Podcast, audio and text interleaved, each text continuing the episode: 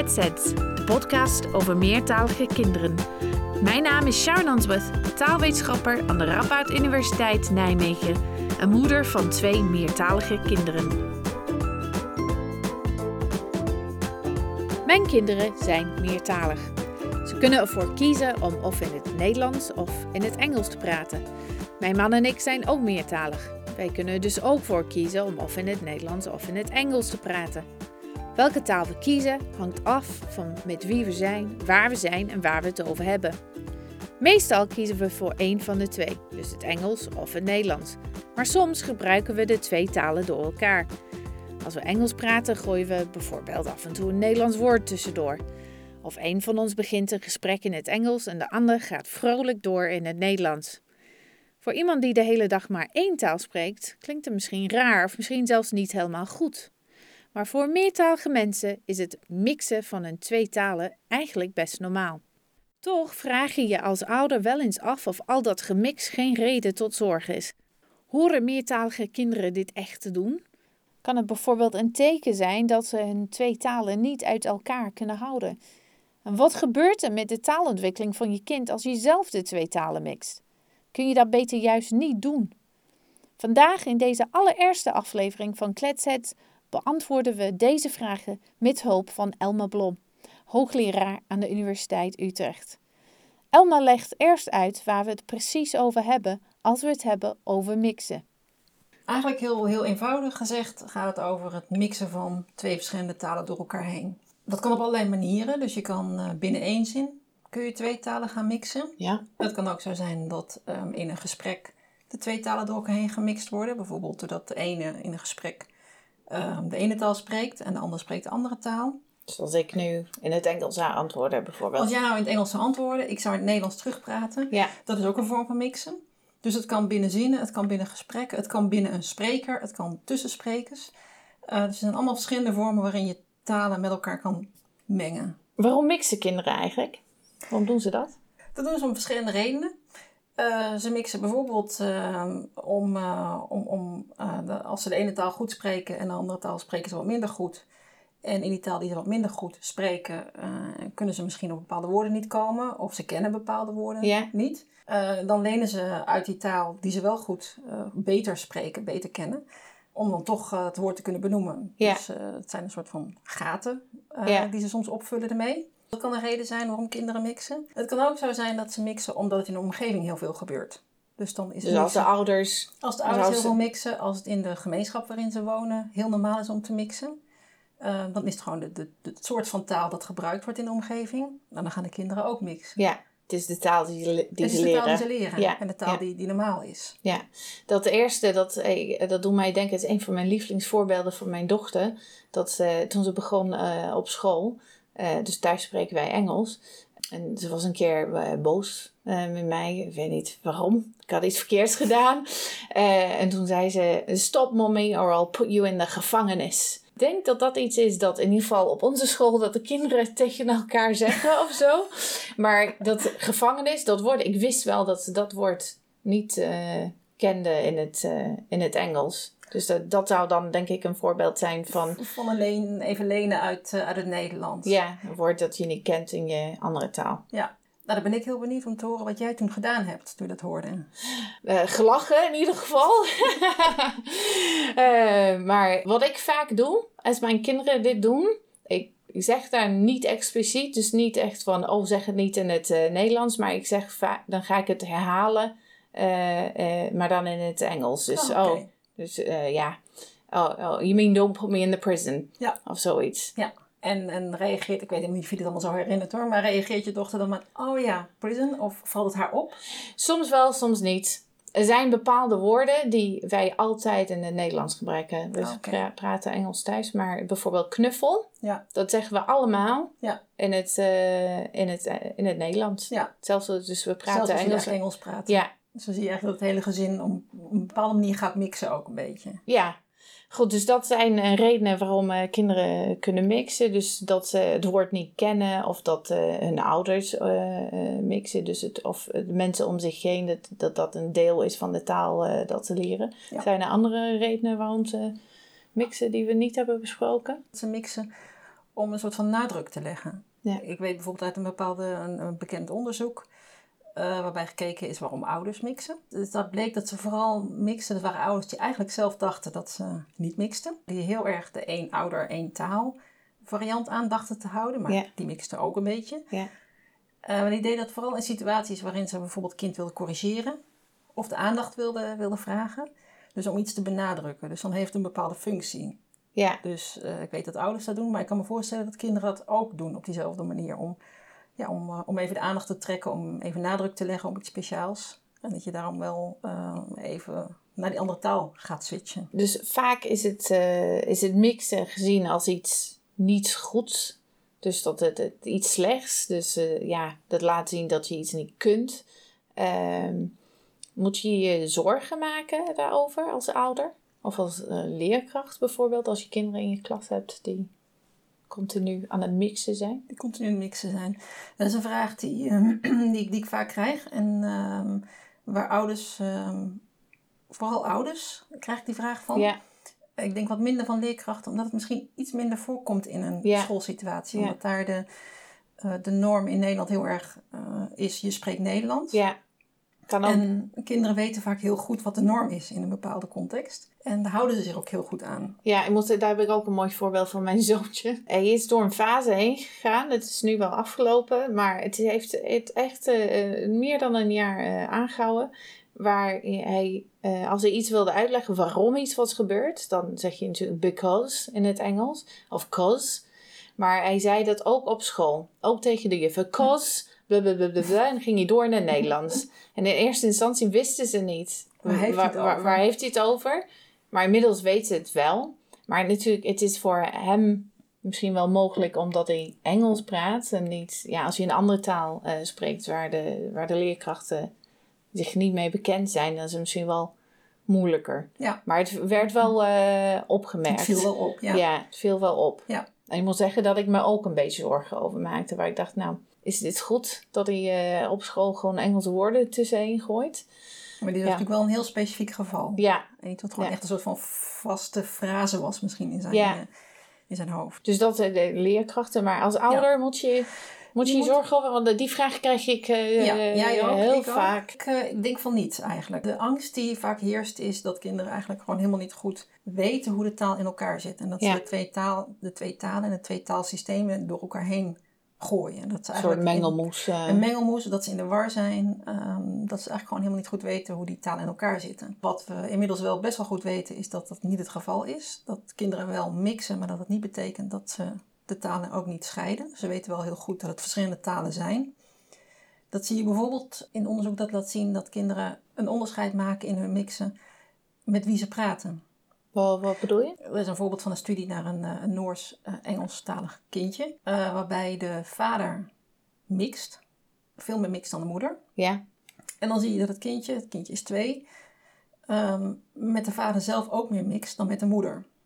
Oké, dus, Dus eh, dat laat zien eh, dat het niet een warboel is, eh, maar dat het heel erg van de context afhangt hoeveel het kindje mixt. Dus dat ze wel een scheiding kan maken daartussen. Er is ook onderzoek geweest naar, eh, naar, naar relaties tussen mixen en taalvaardigheid. En het is niet zo dat kinderen die mixen minder taalvaardig zijn, bijvoorbeeld. Dat is de zorg vaak van. ja, er is- ja. toevallig vanochtend bracht ik mijn dochter naar school. Ze wilde uitleggen waar haar nieuwe plek was. En eh, ze, was, eh, ze praatte gewoon vrolijk door in het Engels van... Oh, mommy, see the boy in the red t-shirt. It's, eh, I'm sitting taking over him. En, en ik weet dat woord opposite. Ik weet dat ze dat woord wel kent. Maar Mhm. eh, toevallig stond een, een van de andere eh, moeders achter mij. En ze zei, oh, gaat wel lekker met tweetalige opvoeden.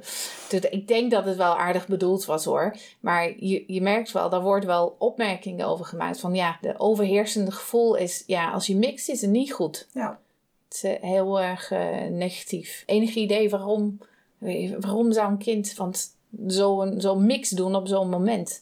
Wat zijn, wat zijn de factoren die daaraan toeleiden dat een, een kind gaat mixen? Niet gaat mixen. Nou, in dit geval zou ik denken dat ze mixt omdat ze gewoon niet op het Engelse woord kan komen. Ja. Dus ik bedoel, ze, ze zal het wel mogelijk wel kennen, maar ze willen ook gewoon lekker doorpraten. En dat Nederlandse woord komt dan net wat eerder naar boven. Dus eigenlijk roeien met de riemen die je hebt. Ja, en je wil eigenlijk gewoon die communicatie ook uh, doorlaten. Je wil niet gaan nadenken van, oh, wat was het ook alweer? Ja. En je wil gewoon doorpraten. Er zal misschien ook verschillen per kind. Het ene kind zal, uh, zal liever door willen praten en dan maar gewoon die talen mixen dan het andere kind. Dus daar zijn wel alle individuele verschillen die een rol spelen. Maar ik denk dat in dit geval uh, zal het zoiets zijn. Of ze zitten op school en dan wordt het Nederlands een beetje wakker of zo. Ja, dus het kan best zijn dat ze ook dat ze in, in thuis, dat ze dan wel opposite zou zeggen. Ja. Omdat daar dat Engels dan wat actiever is. Ja. Want hoe, eigenlijk hoe actief die talen zijn, hoe makkelijk ze gebruikt kunnen worden, dat is ook afhankelijk van de context. Dus in een context die helemaal Engelstalig is, is het Engels erg actief in het hoofd en komt het Engels veel makkelijker boven.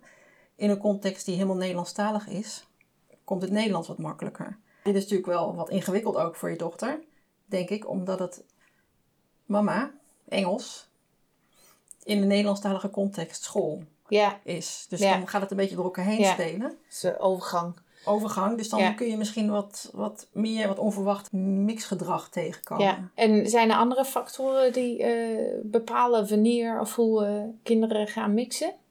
Behalve context? Context, um, hoe, hoe goed kinderen de talen um, kunnen spreken. Ook hoe ze mixen bepaalt dat. Want je hebt vaak een verschil tussen de ene taal is vaak wat, wat sterker ontwikkeld dan de andere taal. En wat je dan ziet is dat kinderen geneigd zijn om in die zwakkere taal eerder te mixen dan in die sterkere taal. Ja, logisch. Dat is logisch. Uh, dus daar zie je vaak een verschil in. Uh, je ziet ook in ontwikkeling vaak een, uh, een, een, ontwikkeling daarin. Dus eigenlijk gaan vrijwel alle meertalige kinderen wel door een fase heen waarin ze in meer of mindere mate mixen. Dus vaak in in de vroegere fase. En daarna zie je dat het minder wordt. Dus leeftijd en ook hoe ze mixen wordt soms een beetje anders. Ja. Dus leeftijd en taalontwikkeling, hoe goed spreek je de talen, dat speelt daar ook in mee. Dus als ze als jong zijn, dan gebeurt het uh, is vaak vaak vaker. Ja. ja. Uh, dus, dus dat is niet een reden om te denken, het gaat mis met de tweetalige taalontwikkeling? Nee, het is een uh, fase in de ontwikkeling. En, en daarna zie je vaak dat het afneemt, afhankelijk van de context ook. Ja. Als er in de context veel gemixt wordt, zal een kind het ook blijven doen. Ja, of als een kind uh, de ene taal veel sterker beheerst dan, uh, dan de andere. Dan zal je ook in die zwakkere taal het ook, uh, zal het ook blijven doorgaan. Ja. Is er iets dat je kunt doen als ouder als je denkt, nou, ik vind het niet fijn dat mijn kind zo mixt. Want als ik dat ja, toesta, bewijzen van, dan, dan wordt die andere taal, de zwakke taal, nog zwakker. Nou, als je, als je er echt problemen mee hebt en als je een bepaalde taal meer wil stimuleren, dus die zwakkere taal, het beste wat je kan doen is ervoor zorgen dat het kind daar heel veel aan blootgesteld wordt en die taal heel veel gebruikt. Een oppas uh, regelen die die taal uh, spreekt bijvoorbeeld. Um, andere families zoeken waar die taal gesproken wordt en misschien uh, vriendjes, vriendinnetjes zoeken. Zodat die, ja, het kind eigenlijk meer taalaanbod in die taal krijgt. Want het gaat vaak om individuele woorden. Dus ja. vaak, dus de, hoe een kind het, de zin opbouwt is vaak goed, maar ze komen niet op dat ene woord, dus ja. opposite of zeg tegenover in plaats van opposite ja. bijvoorbeeld. Nou, we gaan uh, zo meteen het hebben over de rol van ouders. Dus als ouders uh, mixen, wat voor effect heeft dat op de taalontwikkeling van een kind? Maar eerst horen we van onze eerste kletset van de week. Kletset van de week.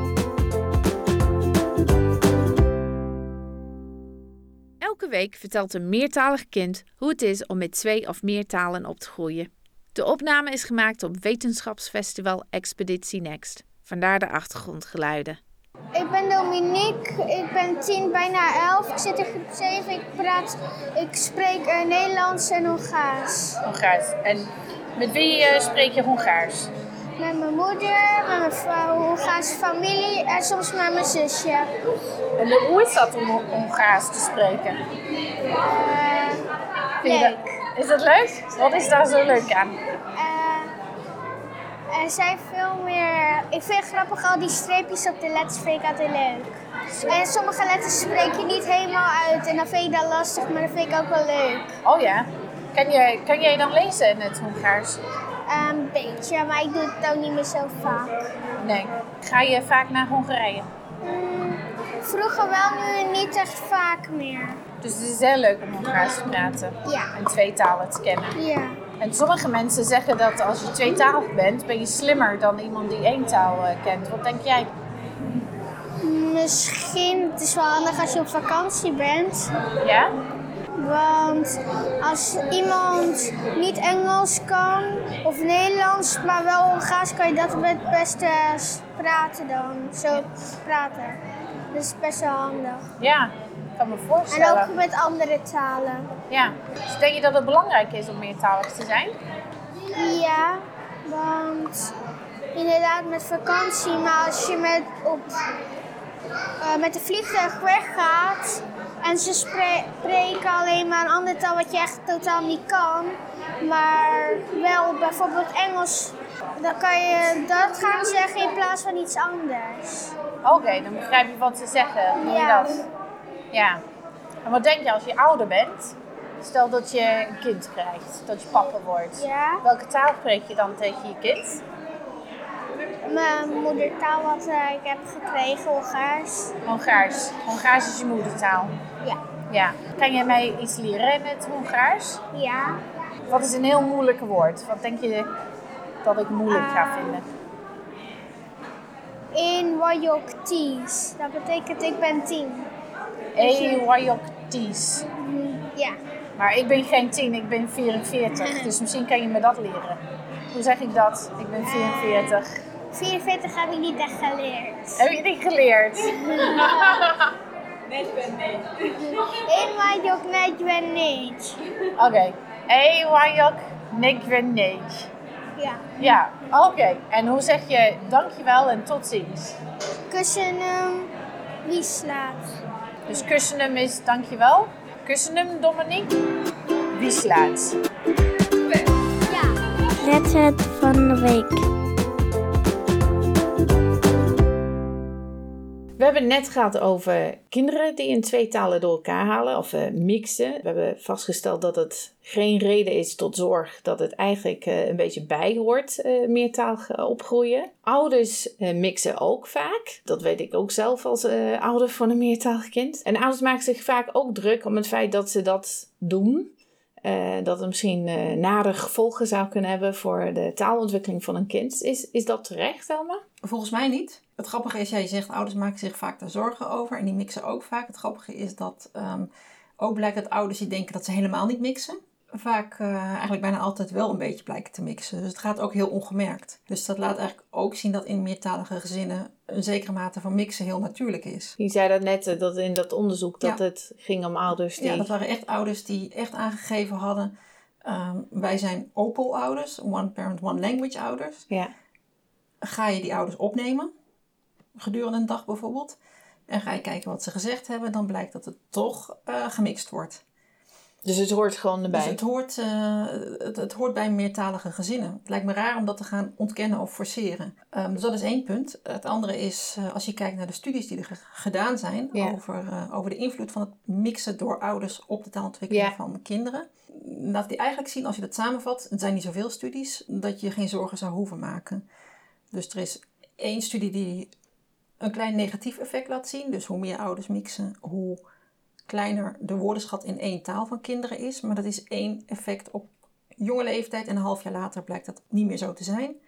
Er is een andere studie die laat zien dat er een positief effect is.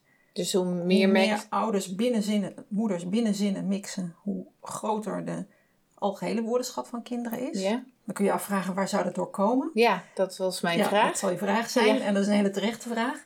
De, de onderzoekers zelf die speculeren hier een beetje over en die, eh, die zeggen eigenlijk van misschien is het zo dat ouders eh, een beetje aan een soort van zelfcontrole doen en pas meer gaan mixen op het moment dat hun kinderen taalvaardiger zijn.